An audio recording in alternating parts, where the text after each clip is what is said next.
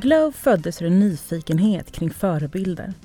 Vilka är kvinnliga förebilder i Sverige? Vilka ser vi upp till, lyssnar till och inspireras utav? Vi har frågat och vi har fått ett svar.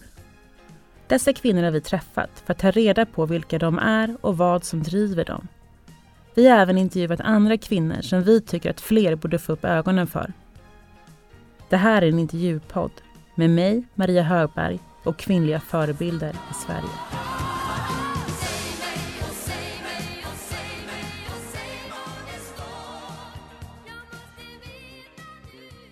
Hon går i de trånga korridorerna.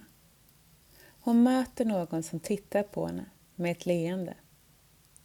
Men hon ler inte tillbaka, bara registrerar personen hon precis mött. En fot framför den andra, ett andetag i taget. Nervositeten finns där närvarande. Pressen från media, pressen från alla miljontals tittare. Ett steg i taget. Ett andetag närmare startpallen. Hon vet att så fort hon är i vattnet släpper allt. Då vet hon precis vad hon ska göra och hon kommer att njuta av varje simtag. Men nu är hon på land. Hon ser människorna runt om henne. Hon känner nervositeten. Hon känner pressen och hon vet vad som förväntas av henne. Guld och inget annat. Hon kliver upp på startpallen. Benen skakar. Hon gör sig beredd. Och startskottet går. Där är de iväg. Bra start, bra iväg ifrån pallen och bra under vattnet. De kommer upp mot 25 meter och det är väl jämsides med Sjöström. Har väl redan Anna-Karin kopplat ett grepp om sina konkurrenter. Det är en våldsam öppning av. Sjöström. 35 meter simmat och Sjöström går fenomenalt bra upp mot vändningen 50 meter. Sjöström vänder som etta. Hon gör det på tiden 26.01. Ja, det går riktigt, riktigt fort och hon sätter ju vändningen jättebra. Det är en klar ledning för Sjöström med 30 meter kvar att simma. Det kommer nog att bli svenskt olympiskt guld i Rio de Janeiro. Det är Sjöström mot klockan. Det är svenskt OS-guld. Hon är helt överlägsen. Det är 15 meter kvar. Klockan tittar upp mot 49.50. Sjöström blir olympisk mästare. Hon blir det den tidiga morgonen. 8 augusti. Hon går i mål där på 55. 48! Det är ett nytt världsrekord och det är Sara Sjöström! Sara Fredrika Sjöström. Född 17 augusti 1993 i Rönninge. Hon är världens bästa simmare med fler guld än någon annan inom fjärilsim och frisim.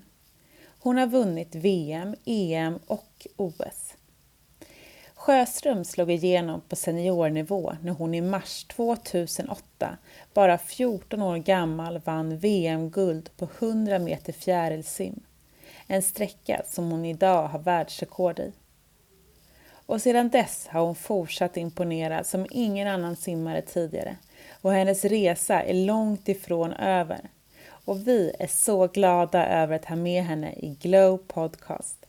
Varmt välkommen hit, Sara Sjöström. Tack så mycket. Jag tänkte vi skulle börja med att checka in lite. Eh, och det tänkte jag att vi skulle göra med en skala 1 till 6. Så Ja. första frågan jag tänkte fråga dig är Hur mår du idag? Och 1 är inte alls bra och 6 är fantastiskt. Oj, jag skulle nog säga en trea kanske. Aha, okej. Och vad, vad är det någonstans då? Då är det lite sådär halv... Ja, men lite halvseg idag. Ja. Eh, jag har precis kommit igång med träningen igen efter en eh, lång eh, tävlingsperiod. Eh, och under tävlingsperioden så brukar jag inte gymma så mycket men nu när jag börjar komma tillbaka till gymmet igen så har man så sjukt mycket träningsvärk överallt. Jaha. Så, så det är lite, lite jobbigt. Kanske Ja. därför det blir en trea bara. Fortfarande Ja. rätt högt ändå. Ja, men vad brukar du ligga då liksom? Eller vad trivs du bäst i att ligga på den här skalan? Ja, men jag tror att de allra flesta dagarna så skulle jag ligga på en trea. Det är väldigt sällan man ligger på en sexa som är lite drottare tror jag. Man är ju Mm. trött för det mesta. Mm. Om man har tagit OS-guld kanske kommer upp till en sexa då? Ja exakt, det är, då, det är då man kommer upp där men ofta är man ju eh, rätt sliten och, och tränar. Många tidiga morgonpass men eh, en trea är liksom bra. Mm. Ja, Det är-. Det är bra betyg för elitidrottare tycker jag. Ja, och du är ju liksom en elitidrottare eller en av världens bästa idrottare. Eh, och om man tänker då på en skala 1 till 6, hur mycket tur har du? Ja, den är ju svår. Eh, ja, jag ger en etta då. Mm, du har inte så mycket tur. Nej. Mycket hårt arbete. Det är inte, ingen tur alls. Ja. Har du tur på Lotto och sånt då? Nej, nästan aldrig faktiskt. Nej. Det är eh, tyvärr ingen tur alls där. Nej. Och hur peppad är du på att genomföra den här intervjun idag då? Det är ju självklart en sexa. Ja, men vad härligt! Tycker du om att, ge, att göra intervjuer och sånt? Ja, men jag tycker det är rätt kul. Alltså när man eh, får, speciellt när det är en podcast och man får chansen att kanske prata om lite annat än simning bara. Mm, mm. Men vad härligt! Även om det säkert kommer att väldigt mycket simsnack också, men det är ju kul. Ja, nej, men man är ju nyfiken på dig överlag liksom. Så att vi får se var det, var det landar. Men du är ju här eh, idag eh, för att du är framröstad till en av årets kvinnliga förebilder 2021. Och du var ju även med på listan eh, 2020. Ja, vad roligt. Ja, Tack för det. så stort grattis! Hur känns det att vara, att vara en så stark kvinnlig förebild? Nej, men det, det känns jättebra och det alltså jag har jobbat otroligt hårt med, med simningen i väldigt många år och det här kommer ju lite på köpet tänker jag kanske Mm. med mina prestationer. Så det är klart att det är en ära att få vara sedd som en förebild. Mm. Vilka kvinnliga förebilder har du haft under din karriär?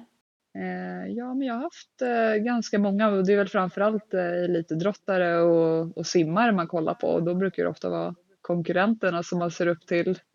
Eller eh, ja, även andra simmare och så. Eh, så när jag började i landslaget 2008 så var det ju väldigt många duktiga simmare i eh, landslaget som Therese Alshammar och Anna-Karin Kammerling och, och sådär. Så att, och de tävlade jag väldigt mycket mot så det är klart man såg upp mot dem, såg upp mot dem mycket. Mm. Och hur var det att träffa dem då första gången? Nej, men det var superhäftigt och alltså första gången man träffar dem så träff, träffar man ju dem såklart typ bredvid startpallen när man tävlar mot dem också. Så Ja. då stod man ju mest och kollade på vad de gjorde för någonting innan de dyker ner i vattnet. Ja. Men, men eh, hur gick det då första gången du tävlade mot Therese Alshammar då? Nej men det gick bra. Alltså det, vi, vi har väl egentligen inte simmat samma distanser så mycket. Hon har ju väl framförallt fokuserat på 50 meters distanserna och jag har ju varit lite bättre på 100 meters distanserna så att eh, det har ju varit eh, kul när vi väl har mött varandra där halvvägs. När jag har fått möta henne på en 50 och hon har mött mig på 100 meter så har det ju blivit en väldigt eh, bra fight ibland men ofta är ju har ju hon varit mycket bättre än mig på 50 och jag har ju varit mycket bättre än henne på 100 meters grenarna. Så, men det är alltid kul att, med en utmaning där. Mm. Men jag tänker så, här, för du är ju en, en, en, en otrolig idrottare eh, och simmare. Men tänker du även på att du, eh, liksom, hur du är som person och att du är en förebild även där? Ehm, ja, man försöker ju så gott man kan. Jag, det enda jag kan göra är att vara mig själv. Och eh, ja, det är väl det jag gör liksom. Och Mm. faktiskt. Eh, Mm. Är det jättekul om det är några som vill ha mig som, eller ha mig som förebild så men eh, eh, det enda jag gör är egentligen att, att simma. Det var därför jag började. Alltså, jag, har inte, kom- jag är inte så komplicerad. Så jag bara simmar på och så går det bra och sen är det någon som ser upp till mig på grund av Mm. det. Liksom. Mm. Och det är jättekul. Ja. Men hur kommer det sig att du började simma då från början? Jag började simma när jag gick i tredje klass på lågstadiet. För då hamnade jag i samma klass som en tjej som simmade. Och jag höll själv inte på med någon idrott. Eh, Och vi eh, ville umgås varje dag så då slutade det med att jag började följa med henne till simhallen. Och då frågade tränaren där om inte jag också ville testa på att simma. Och då gjorde jag det. Så då började jag i Södertörns simsällskap som fortfarande är min eh, svenska simklubb. Som jag, Mm. Den har jag, har jag tillhört sedan jag började Mm. för snart eh, 18 år sedan. Mm. Men var du, en, liksom, var du en talang från början? Ja, men det skulle jag säga. Det, det förstod jag väl kanske inte riktigt själv, men det var väldigt många i min simklubb som, som menar att jag var en väldigt stor talang. Eh, och jag lärde mig väldigt fort. Mm. För jag vet ju också att du hade, som i början så var det ju att du ville, du funderade på att hoppa av simningen. Men att då sa dina föräldrar till dig att "Ja, men då måste du hitta en annan idrott. Så att du ja, valde att stanna mamma kvar. och pappa hade ju betalt terminsavgiften så det var framförallt därför kanske de ville att jag skulle fortsätta och de ville ju lära mig att jag inte bara kan avsluta någonting jag har påbörjat. Så de sa att du får fortsätta den här terminen ut och, och testa den här tävlingen som du redan har anmält dig till och sen ska du hoppa av. Du får absolut inte avsluta någonting och det, det är en riktigt bra läxa och det hoppas jag att fler föräldrar borde göra, eller gör med sina barn att man lär dem tidigt att man ska liksom påbörja det man har startat igång. Det spelar Mm. ingen roll om det är lite jobbigt för att och man ska ju kolla vad anledningen är till att barnen vill sluta. Min anledning var ju att jag tyckte det var jobbigt. Typ. Och det ska inte vara en anledning till att man ska sluta med en idrott. Mm. Att det var att jobbigt att lite simma trött. rent fysiskt. Ja, men liksom. precis. Ja. Ja, exakt. Det var min anledning.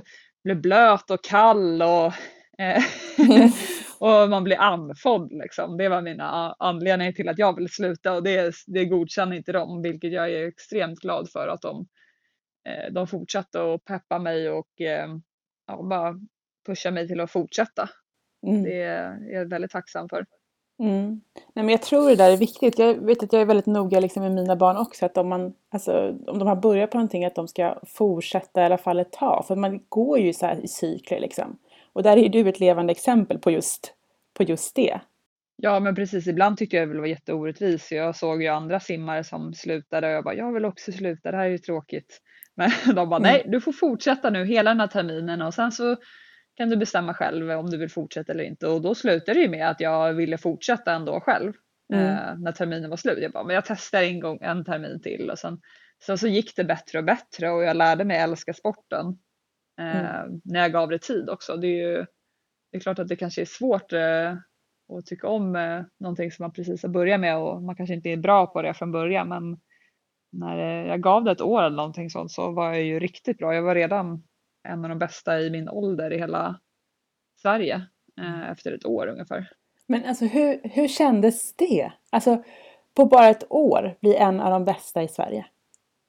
Alltså på något sätt, det är lite kul att säga, men det var nästan så här som en självklarhet för mig. Jag, man har tagit det för givet lite grann, att det bara ska vara så. Jag vet inte. Eh, så det, det är lite skön inställning ändå, men så här, jag har inte vetat något annat. Jag, jag, så någon, när någon sa till mig, ja nu är du bäst i Sverige i din åldersgrupp. Ja, Ja, det var Ja, liksom, ja, jag. självklart. Ja. Vad är nästa ja mål? Ja. Men man- förstod nog inte, eller jag förstod nog inte själv hur, hur imponerande det var att man tog ett sådant stort steg. Liksom.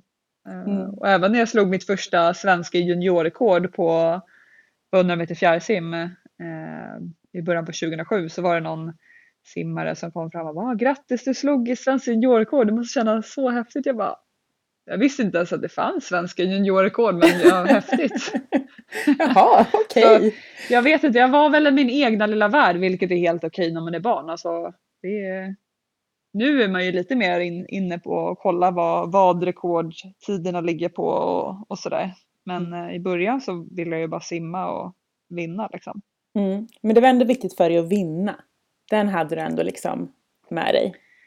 Ja men det, det var också en sån självklarhet. Så om jag ställde upp på en gren eller en distans, spelar ingen roll vad det var på tävlingar då när jag var 10, 11, 12 där. Alltså, jag, ville ju, jag gjorde ju allt jag kunde för att försöka vinna varje gång.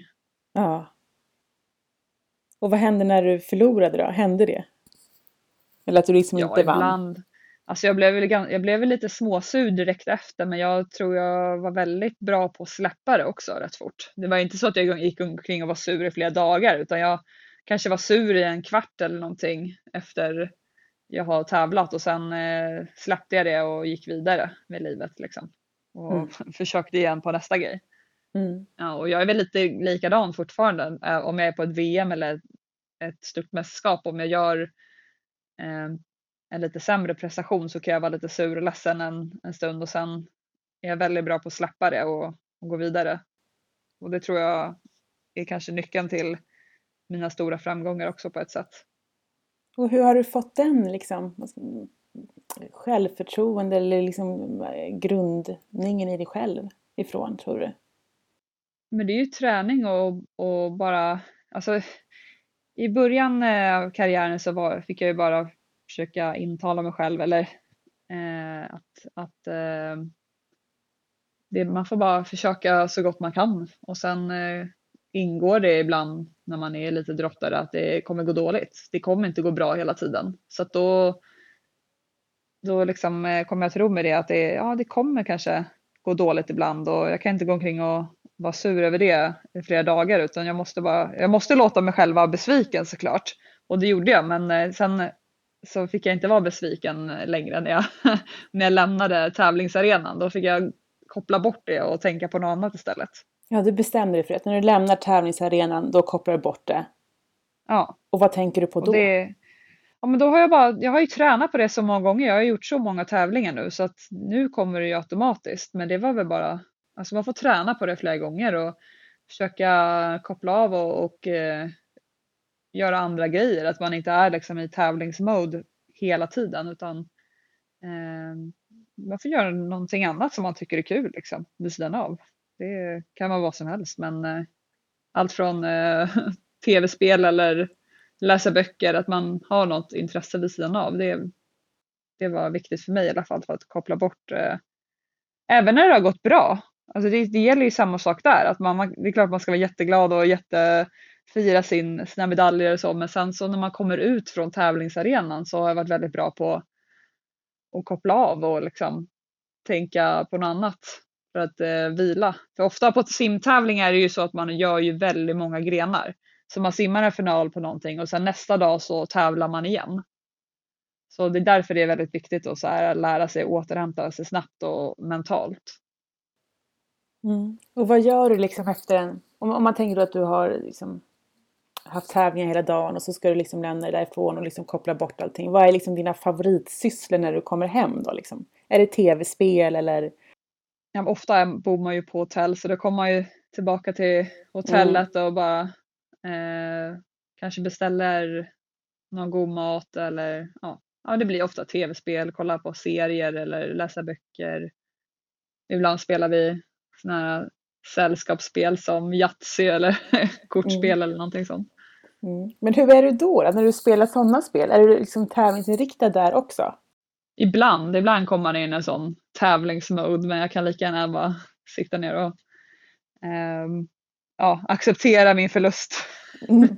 Så att om du, om du har gjort ett, ett, dåligt, ett, en dålig eh, lopp i simningen och sen så förlorar du på Yatzyn direkt efteråt.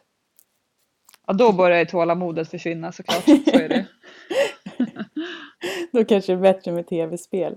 Men du har ju liksom, hur många medaljer har du? Jag vet att du har tappat räkningen och det är liksom Finns det någon simmare som har lika många medaljer som du har? Jag vet inte riktigt. Eh, lika många medaljer tror jag säkert, men inte lika många guld. Nej. Så jag har ju väldigt många, så den största delen av eh, alla medaljer jag har är ju guld. Mm. Så det är ganska unikt, men däremot är det nog många som har tagit rätt många silver och brons. Mm. Och vilken av alla de här medaljerna är du mest nöjd med eller som har gjort dig mest lycklig? Ja, men alltså OS-guldet var ju lite pricken över i för mig för jag hade ju vunnit antal VM-guld redan och slagit flera världsrekord och vunnit EM säkert 15-20 gånger innan men jag hade liksom aldrig tagit en medalj på OS. Och det var mitt tredje OS så jag kände ju att jag ville, ville så mycket eh, ta det där guldet. Och, så det var, det var klart man var väldigt stolt när man klarade av det. Eh, och framförallt med den pressen som jag hade på mig inför det också. Det var ju otroligt tufft. Eh, mm. Det var ju mest press från mig själv men det var ju nästan lika mycket press utifrån också och klara av att hantera det och vara, även slå världskodet i den OS-finalen. Eh, det är någonting som man är väldigt stolt över. Mm. Men hur klarar man den? Liksom, hur klarar du den pressen då som var enorm för dig?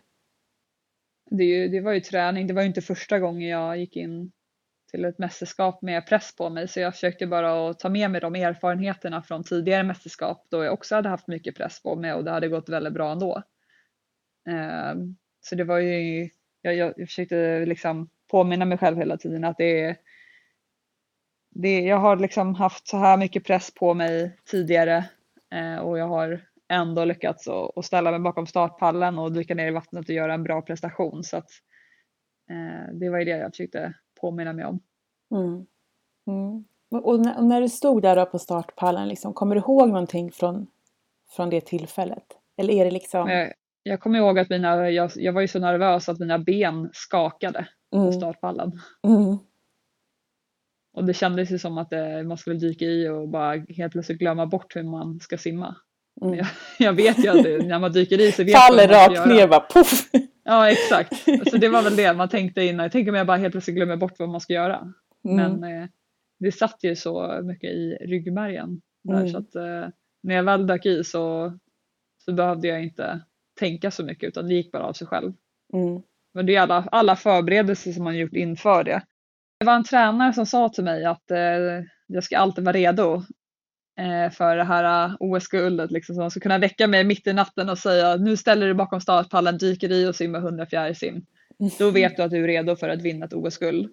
Mm. Så det, det, det, hade jag med mig lite grann inför eh, OS-finalen där på 100 meter fjärilsim att jag skulle, jag skulle vara så förberedd som man bara kan. Mm. Då, då kommer det gå av sig själv. Och när du kom ner i vattnet då, hur fort känner du att du liksom har loppet med dig? Nej men jag känner det rätt tidigt.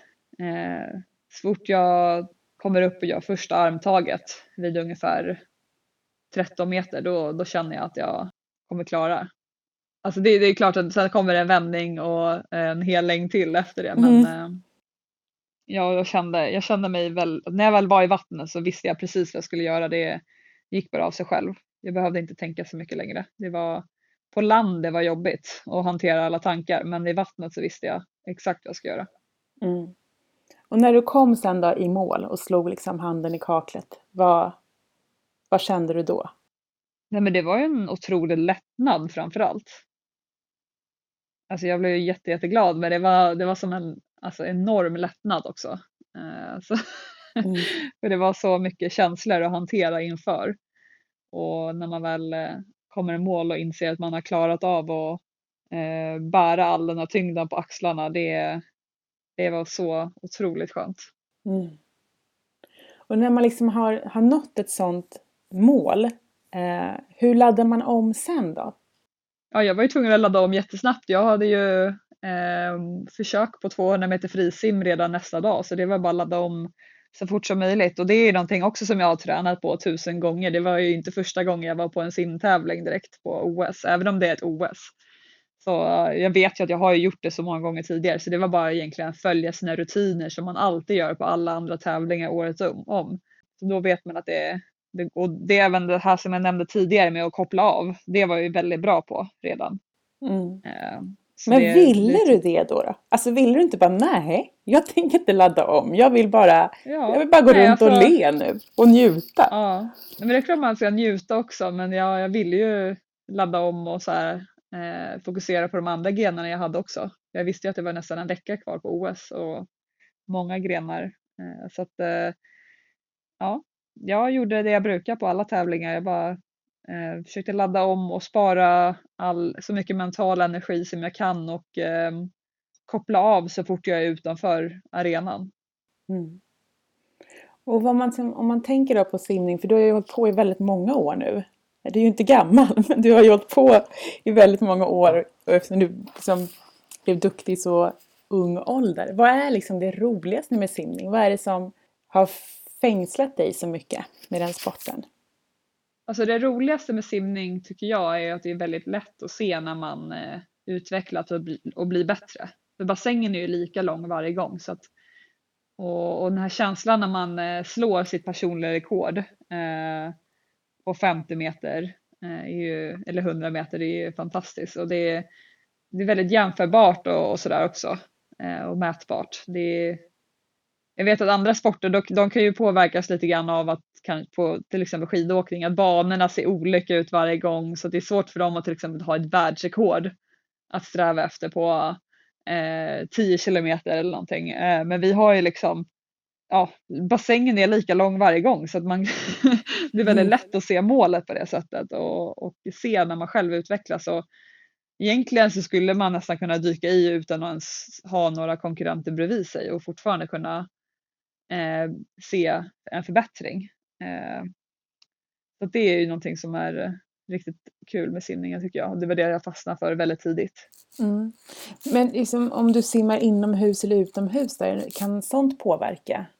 Eh, nej, alltså tiderna är, eh, påverkas ingenting av det. Så att om du eh, slår ett världsrekord, världsrekord utomhus eller inomhus, det spelar ingen roll. Det är, det är Mm. liksom, Nej, det finns liksom inte så här, det här är en snabb bana eller det här är en långsam nej, bana. banan det är exakt likadant. Alltså det Mm. finns ju eh, kort eh, bassäng, 25 meters bassäng och 50 meters bassäng. Det är det som är, men det finns ju världsrekord för 25 meter och världsrekord för 50 meter så att Mm. eh, eh, det är väldigt lätt att se eh, när man har liksom eh, förbättrat en tid. Mm. Men det blir ju som sagt väldigt konkret. Och det här, det här som, som jag tänker är 10 000 timmar som man ska lägga på någonting. Jag läste så här någonstans att det, det är väldigt svårt att applicera det på vad som helst. På schack går det. Men då borde det ju också gå på simning, tänker jag. Att det är en sån här regel som, eftersom det är samma då utmaning man ställs inför hela tiden. Eh, ja, alltså det, det, har ju, det är vad du än gör egentligen. Alltså ju mer tid du lägger på det, ju mer rutinerad blir det och, ehm, och sådär. Så, Mm. Men jag har ingen aning hur många timmar jag lagt ner på det. Jag har aldrig någonsin Nej. räknat hur många timmars träning jag har lagt på det. Liksom. Det, är, det är inte det, utan det är mer, okej om jag vill simma på 23 sekunder på 50 meter fritt och just nu är mitt personliga rekord 23,6 till exempel. Så då, har jag, då ser jag liksom vad, du kan kolla på loppet vad jag ska förbättra. Okej, jag kan förbättra en tiondel till 15 meter genom att bara göra lite bättre start och jag kan ju förbättra genom att få lite bättre uppgång, mitt första armtag och göra lite bättre målgång och sådana bitar. Att man kan, det är väldigt mätbart att se vad, vilka delar kan jag förbättra för att nå den här äh, måltiden på 23.0 Mm. Så det, det här är väldigt nördigt men Mm. Men det är lite det här, som jag, som jag brinner för lite grann. Att så här, Ja. se hur kan, jag, hur kan jag göra en tid som är ja, ett, ett världsrekord som kan stå sig i så pass många år. Alltså det mm. man vill ju gärna göra det. Mm. Men sitter du då och detaljstuderar eh, loppen efteråt? Alltså jag försöker inte göra det så mycket under mästerskapen. Jag vill ju Mm. som sagt försöka koppla bort eh, simningen så fort jag lämnar arenan. Men eh, när jag är klar med mästerskapen så brukar jag ibland sitta ner och, eh, kolla lite grann. Men inte jätte, jättedetaljerat. Ibland kan det räcka med att bara eh, Ibland vet jag ju när jag kommer upp ur vattnet vad jag hade kunnat göra bättre. Jag behöver knappt kolla på loppet. Mm. Man känner ju själv vart man tappar tid och vart man kan bli bättre och så. Ja, för att jag har ju hört andra intervjuer med dig och då, liksom, det, det låter ju som att till med pulsen så kollar du ju inte pulsen heller utan att du känner liksom hur mycket ansträngning du har eller liksom, hur mycket du kan ge och sådär. Ja, men precis. Man kan ju känna av an, ansträngningsnivån och det kan man ju vara väl, det är man väldigt bra på, speciellt när man har gjort det här i så pass många år. Eh, men eh, det är klart att det är, det är absolut inte negativt att hålla koll på pulsen ibland. Eh, det tror jag är väldigt nyttigt för flera idrottare att, att kolla på. Mm. Men det gör man ju inte efter, efter ett tävlingslopp direkt. Det är ganska ointressant vad jag har för Mm. puls när jag kommer upp efter 100 meter fjärilsim Mm. eh, på, på OS. Liksom. Det, man Ja. kollar ingenting sånt. Det, vi kollar egentligen bara på vilken tid jag sim, min, min totala sluttid. Vi kollar inte liksom mycket på liksom, Nej men det skulle ja, vara hur jag intressant gjorde det. att kolla pulsen efter när man har tagit ett OS-guld. Den- Ja, nej, ja, ja, för mig skulle det vara helt ointressant Ja. vilken eh, puls jag har efter ett, ett, en Mm. OS-final. Ja. Men om man tänker då typ en helt vanlig träningsvecka som du går in i nu när du inte tävlar. Hur ser den ut för dig? Så just nu är det ju grundträning och försöker, jag bara försöker komma igång lite grann igen efter en lång tävlingsperiod. Så det är ju inte lika mycket, eller lika många simpass och så. Eh, Men eh, alltså en riktigt, riktigt tuff träningsvecka som är längre in på säsongen, då lägger jag ju på 10 simpass. Eh, där varje simpass är ungefär 4 till 5 kilometer. Mm. Det blir ju ja, 40 till 50 000 meter totalt på en vecka och sen ungefär 4 timmar, 4-5 timmar totalt på gymmet varje vecka. Och hur liksom gör du för att motivera dig till alla dessa träningspass? Eller tycker du att det är roligt varje gång? Liksom? Nej, det är absolut inte roligt varje gång. Det är, det är väldigt skön känsla när man väl är klar med träningspassen. Men jag försöker ju tänka på och komma ihåg också att det här är ju mitt jobb nu också. Det är ju, alla tycker inte det är roligt att gå till jobbet varje dag. Mm. Men eh, när man eh, kämpar hårt varje dag och sen eh, eh, har ett mål längre fram så är det ju värt att lägga ner den tiden om man klarar det här målet genom att gör, lägga ner all den här tiden på eh, all den här tuffa tiden. Det är ofta resan mot målet som är det jobbiga. Sen när man väl är på plats eh, på ett mästerskap så ska man vara så pass förberedd så det ska bara gå av sig själv. Så det gäller bara att lägga ner all den här tiden inför. Mm. Men det är absolut att man är omotiverad och tycker det är tufft ibland men annars hade ju alla gjort det om det hade varit lätt också. Så är det ju. Mm. Mm. Och hur gör du liksom för att nå resultat? För jag tänker ju att som, vissa kan ju liksom nå resultat under så kort tid men du har ju gjort det under så lång tid. Ja, så det är ju hårt arbete och sen eh, hitta sin väg och, och sen ha mål som man vill eh, uppnå och sen kolla hur, hur ska man klara av att nå de målen och eh, ja, bara se till att lägga ner mycket tid. Det finns liksom inga genvägar till eh, om man har ett tufft mål framför sig. Mm. Eh, det är bara hårt jobb och eh, ännu mer hårt jobb och sen eh, ja, äv- så får man inte glömma bort att, att kolla på de mentala biten också. Mm. ju... Och sen, sen eh, så brukar jag också säga att om, om det är en elitidrottare eller simmare som frågar mig hur de ska klara av att nå sitt mål, då, då brukar jag säga att, egentligen att vem som helst kan ju träna hårt egentligen. Man kan träna hårt även om man inte är en elitidrottare. Eh, men däremot så finns det väldigt många andra bitar runt omkring som man kan förbättra, som många kanske glömmer bort ibland. Och det är ju kostbiten och återhämtningen runt omkring. Sover man tillräckligt mycket?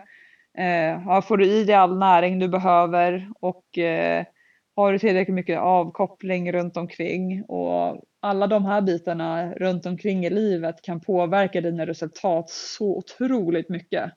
Så om man Mm. inte har allt det där stabilt och om inte de grejerna funkar då kommer inte den här, alla de här hård, hårda träningstimmarna hjälpa dig speciellt mycket. Det kommer snarare göra att du blir mer sliten och eh, ja, förmodligen inte så mycket snabbare eller bättre på din sport. Så att se till att allt sånt där funkar först innan man liksom Mm. börjar bränna, bränna, bränna på med allt för mycket hård träning.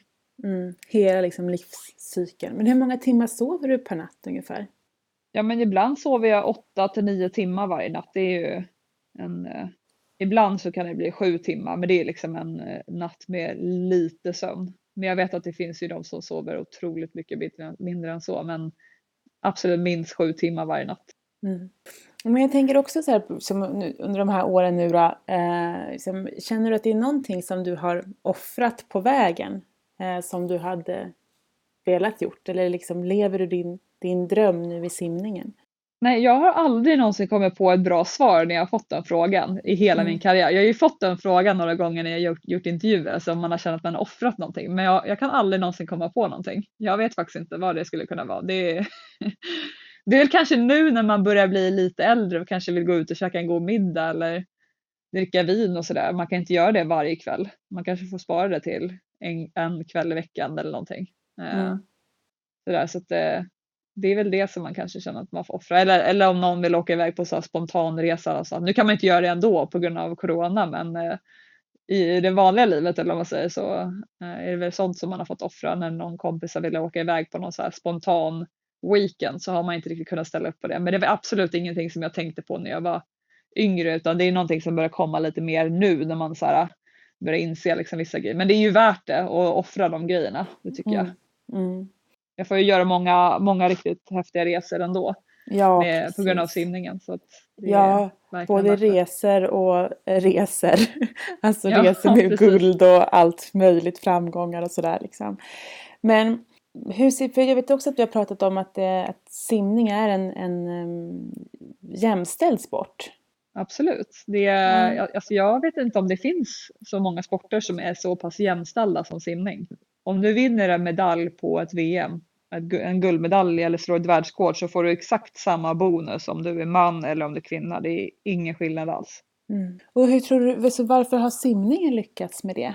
Alltså jag tror att det har varit så i väldigt många år. Det har nog aldrig någonsin varit, alltså jag vet inte om det har varit någon skillnad på prispengar på VM och, och eh, världscuper och sådär på kvinnor eller män. Det är, det är samma. Och det är en grej, till grej som är väldigt eh, imponerande med simning är att tjejer och killar tränar ju tillsammans.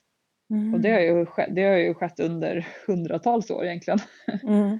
alltså det är, jag har tränat eh, med killar också liksom. och vi, man är, det är som en lagsport på ett sätt för att vi tränar tillsammans och hjälper och pushar varandra på träningen och sen tävlar vi ju separat men det är ju det finns nog inte så många sporter där både killar och tjejer tränar tillsammans också så det är simningen och en, en sport eh, som många andra sporter och även eh, utanför borde kolla lite på. Ja, man ska verkligen. göra det mer jämställt. Det är egentligen inte så svårt. Det är ganska lätt att göra det jämställt tänker jag. Det är bara samma lön för tjejer och killar beroende på, alltså på prestationen. Det är ju klart att den som kommer tia inte kommer tjäna lika mycket som den som vinner. Det är ju rimligt liksom. Mm. Men eh, när det kommer till prispengar är det exakt samma och även träningen. Mm. Och bemötande då? Är det samma också för hur man liksom blir ja, omhändertagen och sådär? Ja, absolut. Alltså jag, jag tycker att eh, Sveriges olympiska kommitté och simförbundet och sådär, de, de ger ju samma typ av stöd eh, om du är tjej eller kille. Liksom. Det är väldigt, och det är väldigt jämställt. Liksom. Jag eh, kan inte komma på någonting som är ojämställt. Liksom. Mm. Ja, men det är helt fantastiskt. Och det, jag tänker också att nu är, nu är, i så fall är simningen där nu. Liksom. Och det är jätteintressant mm. att veta mm. varför har man lyckats när det är så många ja. sporter man inte har lyckats med. Så det och vi har en... även en, eh, en kvinnlig förbundskapten i mm. eh, simförbundet och hon har ju hand om både killarna och tjejerna. Eh, det är liksom ingen kvinnlig förbundskapten och en manlig förbundskapten eller någonting utan vi, hon är liksom förbundskapten för båda vilket också är väldigt unikt för eh, våran sport. Mm. Men verkligen, det är ju verkligen en, förebild då som många andra sporter borde titta på och ta efter. För det har, då har du ju också lyckats. Så det är ju det, det, som är så häftigt. Men jag tänker så här, har du också mycket fans som eh, kan du gå på gatan utan att bli stoppad och liksom, hur ser ditt liv ut på det sättet? Jo men jag har, har mycket fans. Nu mm. på vintern så, så är man ju instängd under massa kläder, jackor mm. och mössor så det, det kan ju vara vem som helst som går omkring. Men på sommaren är det lite mer folk som kanske stannar och vill prata med en och så. Men eh, de flesta har man ju kanske kontakt med lite mer via sociala medier, eh, mm. speciellt mm. idag mm. med corona. Det är inte så många som kommer fram till en på samma sätt längre och sådär men eh, innan så var det ju väldigt mycket. Ja, men hur har liksom hela ditt, hur har ditt liv påverkats av coronan nu då? Ja men det har ju påverkats mycket. Det är ju otroligt många simtävlingar som har blivit inställda och eh, jag kan inte åka iväg på träningsläger på samma sätt så jag spenderar ju väldigt mycket tid hemma i Sverige. Mm. Men nu har ju, har precis kommit hem från en tävling som ändå blev av eh, i Budapest. Jag var i Budapest då i sex veckor. Då var vi instängda på hotellet eller så fick vi bara gå till simarenan och då var mm. det covid-tester var femte dag och eh, sådär, väldigt strikta restriktioner. Så vi levde en liten bubbla kan man säga i sex ah. veckor. Så det, men det var verkligen värt det för att få, få tävla också. Ja, för jag tänker det är ändå det som blir lite moroten med all, med all hård träning som du, som du gör. Ja, det har ju verkligen varit otroligt tufft att, att träna utan att riktigt se vart målet är någonstans. Eh, ofta har man ju, ligger man ju upp all träning och tävling, tävlingar och sådär inför ett specifikt mål. Men jag har ju haft väldigt svårt att så här, se eh, målet framför mig. Så det, det var ju otroligt skönt i, i juni eller juli tror jag när, den här, när det blev klart att den här tävlingen kommer bli av. Eh, och, de, och arrangörerna sa att de kommer göra allt de kan för att den här tävlingen ska bli av. Eh, och så blev den av nu i oktober och november. Så det var riktigt skönt att få ha ett mål ändå och, och tävla mot. Eller Mm. träna mot då. Mm. Men är det många som har drabbats av covid eh, bland simmare? Jag känner några stycken som har eh, drabbats av covid och eh, det har inte varit, varit några större besvär för dem och så men tack och lov så att de har kunnat komma tillbaka och ändå tävla i år. Mm. Men liksom, om man tänker då på dig, så vad, har du, vad är liksom din största dröm nu framöver när det gäller simningen? Vad har du för som, eget mål som du vill uppnå? Nej, Men jag, har, jag vill bara fortsätta och försöka eh, pressa gränserna ännu mer. Jag känner att jag har fortfarande mycket som jag vill göra liksom, när det kommer till eh, eh, min egen utveckling och ja, förbättra mina personliga rekord. Jag har ju faktiskt inte slagit ett personligt rekord nu på nästan tre år så jag känner att jag vill ju försöka komma tillbaka till den nivån som jag var på för tre år sedan. Jag har fortfarande håll- hållit en extremt hög lägstanivå. Jag är väldigt nära rekorden hela tiden men jag Mm. vill ju kunna pressa mig under de där rekorden igen. Ja. Och det är klart man kan inte förvänta sig att man ska gå och slå världsrekord eh, varje helg. Liksom. Mm. Men eh, jag vill ändå kunna komma tillbaka till en nivå där jag kan vara under världsrekorden igen. Det hade varit väldigt häftigt. Mm. Men då har du, då har du ju liksom, det var då är tre år sedan senast som du slog ett eget personligt rekord. Ja men precis, men, men det råkar bara vara så att mina personliga rekord är världsrekord så det är en Ja, väldigt, en väldigt tuff nivå att, att slå när det kommer det är till att försöka samma förbättra sak för alla nu nivå. liksom. ja. Så jag brukar få påminnelsen om det ibland jag, om jag blivit lite besviken efter ett lopp och bara "Ah, inget pers idag heller. De bara, men du har ju världsrekord så det hade ju varit svårt Ja. om du hade slagit världsrekord varje gång du hoppar i vattnet. ja. Så det är en rätt bra poäng men eh, ja, men det är bra att bara inte skämma bort med- oss också. ja, nej, men jag får ju bara nöja mig med ibland att jag håller en hög lägstanivå. Det vill säga att jag är Mm. nära rekorden många gånger. Det är, Mm. Bara det är ju extremt bra. Men det, eh, och sen så kollar jag ju mer på liksom vilken eh, placering man får och så också. Det är ju det är ju klart att det jag strävar efter att försöka vinna varje gång istället. Mm. Men hur många år tänker du att du ska simma då framöver? Har du någon sån eller är det bara så länge kroppen orkar? Ja, alltså jag har aldrig någonsin satt upp ett mål på hur många tävlingar eller hur många medaljer eller hur många rekord eller så jag ska slå innan jag är klar utan eh, det får ju det får bara komma till mig liksom när, det, när jag känner att jag är klar. Liksom. Mm. Det, just nu så älskar jag bara livet som elitidrottare och få, få träna och eh, ja, bara ha ett mål och jobba. Så att försöka jobba mot ett tufft mål. I det här fallet är det ju mitt tuffa mål att eh, försöka komma ner på mina världsrekordtider igen. Det är ju ett väldigt tufft mål att försöka slå men det, är ju liksom min morot just nu. Så vi får se, kanske fem år till, tio år till. Eh, men det, vilket fall som helst har det varit en väldigt, väldigt lång karriär så det kommer ju bli extremt lång karriär med tio år till. Ja, men verkligen. Ja, men vi hoppas att du ska hålla på så länge som möjligt. Och jag tänkte Ja, att vi skulle gå över, eh, för du är ju en, en förebild. Och då tänker jag att vi ska ställa dig inför lite etiska dilemman. Så får vi se hur du eh, skulle lösa dem.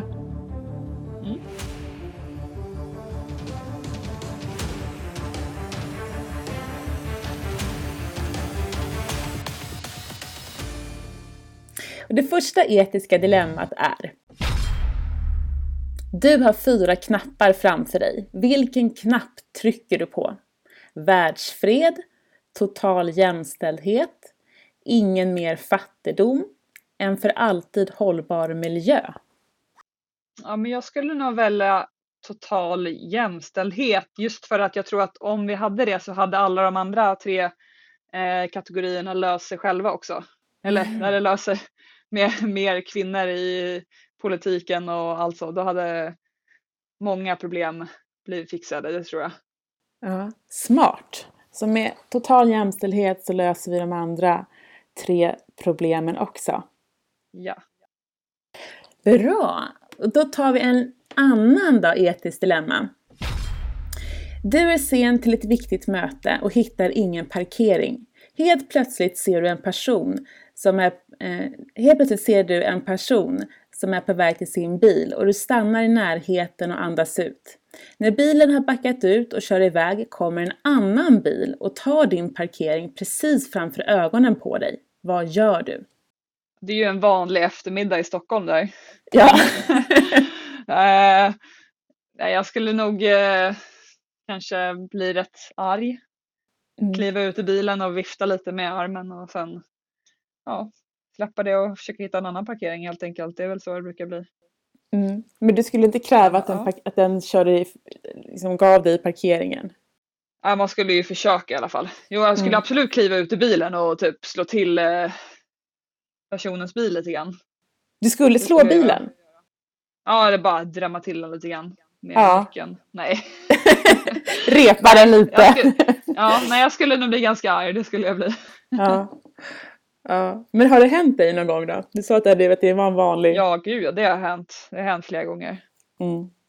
Men eh, ja, Ja. Ja, som men, sagt, vanlig eftermiddag i Stockholm. Man ja. ska leta parkering.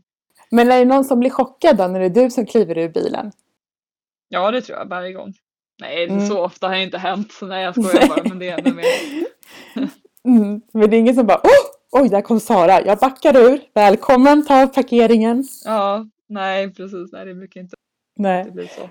Nej, ja men vad bra. Du ger en utskällning och sen så letar du en annan parkering om de inte Ja. flyttar på sig. Mm. Och då har vi kommit in till sista då som är fem snabba frågor. Eh, som jag tänker att du ska få svara på nu då. Och då är det första, vad gör dig riktigt förbannad? Oj, vad svårt. Eh, någonting som gör mig riktigt förbannad. Oj. Blir Ja, du gud. gång? Pass, pass på den just nu. Jag tar Ja. den sist. Ja. Okej, om du blir erbjuden ett nytt jobb, du har slutat med simningen och du blir erbjuden ett nytt jobb som du verkligen vill ha. Vilken lön skulle du då kräva för att tacka ja? Oj. Om det är ett jobb som jag verkligen, verkligen vill ha, då skulle jag nog inte eh, prata om någon lön. Så, Mm. till att börja med. Utan då är det väl, skulle väl kanske inte bry mig så mycket om det till att börja med. Mm. Bara ta, bara ta chansen och ta arbetslivserfarenheten av det jobbet till att börja med. Mm. Vilken typ av människor har du svårt för?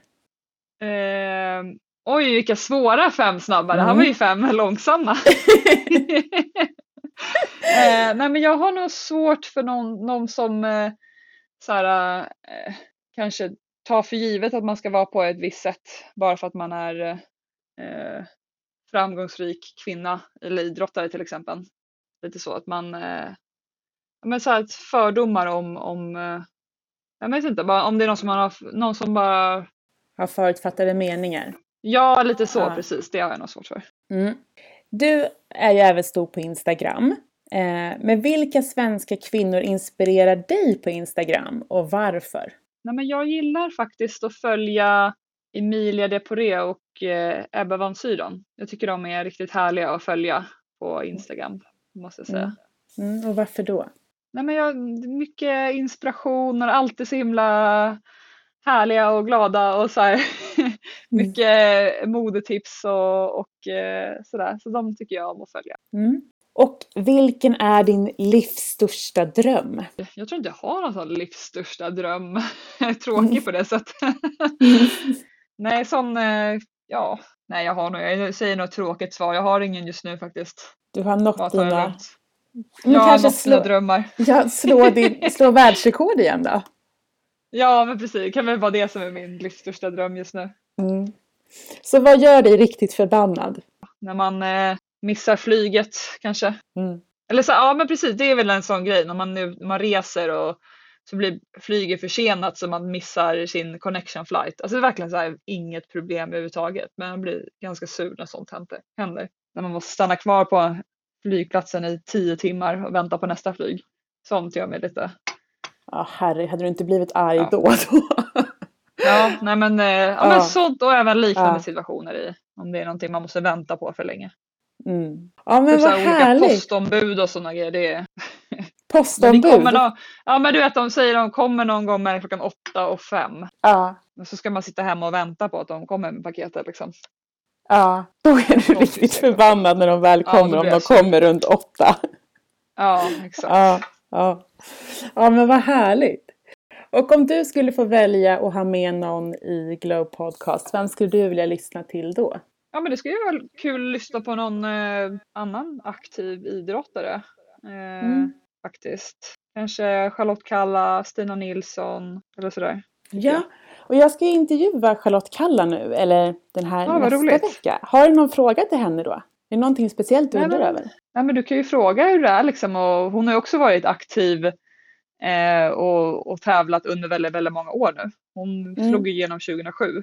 Så det kan vara intressant att höra liksom hur hon ser på det här med, alltså hur mycket det har hjälpt henne liksom med att kunna koppla av och så mellan sina tävlingar och för att spara energi och så här. Att jag tror att många elitidrottare som är väldigt, har hållit på i många år. Jag tror att det är de som är extra bra på de här bitarna runt omkring. Om du förstår vad jag menar. Alltså Mm. att man är bra på att koppla av utanför sin idrott också. Mm. Men absolut, då ska jag ta med och fråga då. Vad roligt. Men då får jag tacka så jättemycket för att du ville vara med här och så får jag önska dig en fantastisk dag. Ja men detsamma, tack för att jag fick vara med. Det var allt från intervjun med Sara Sjöström och vi önskar er en fantastisk dag.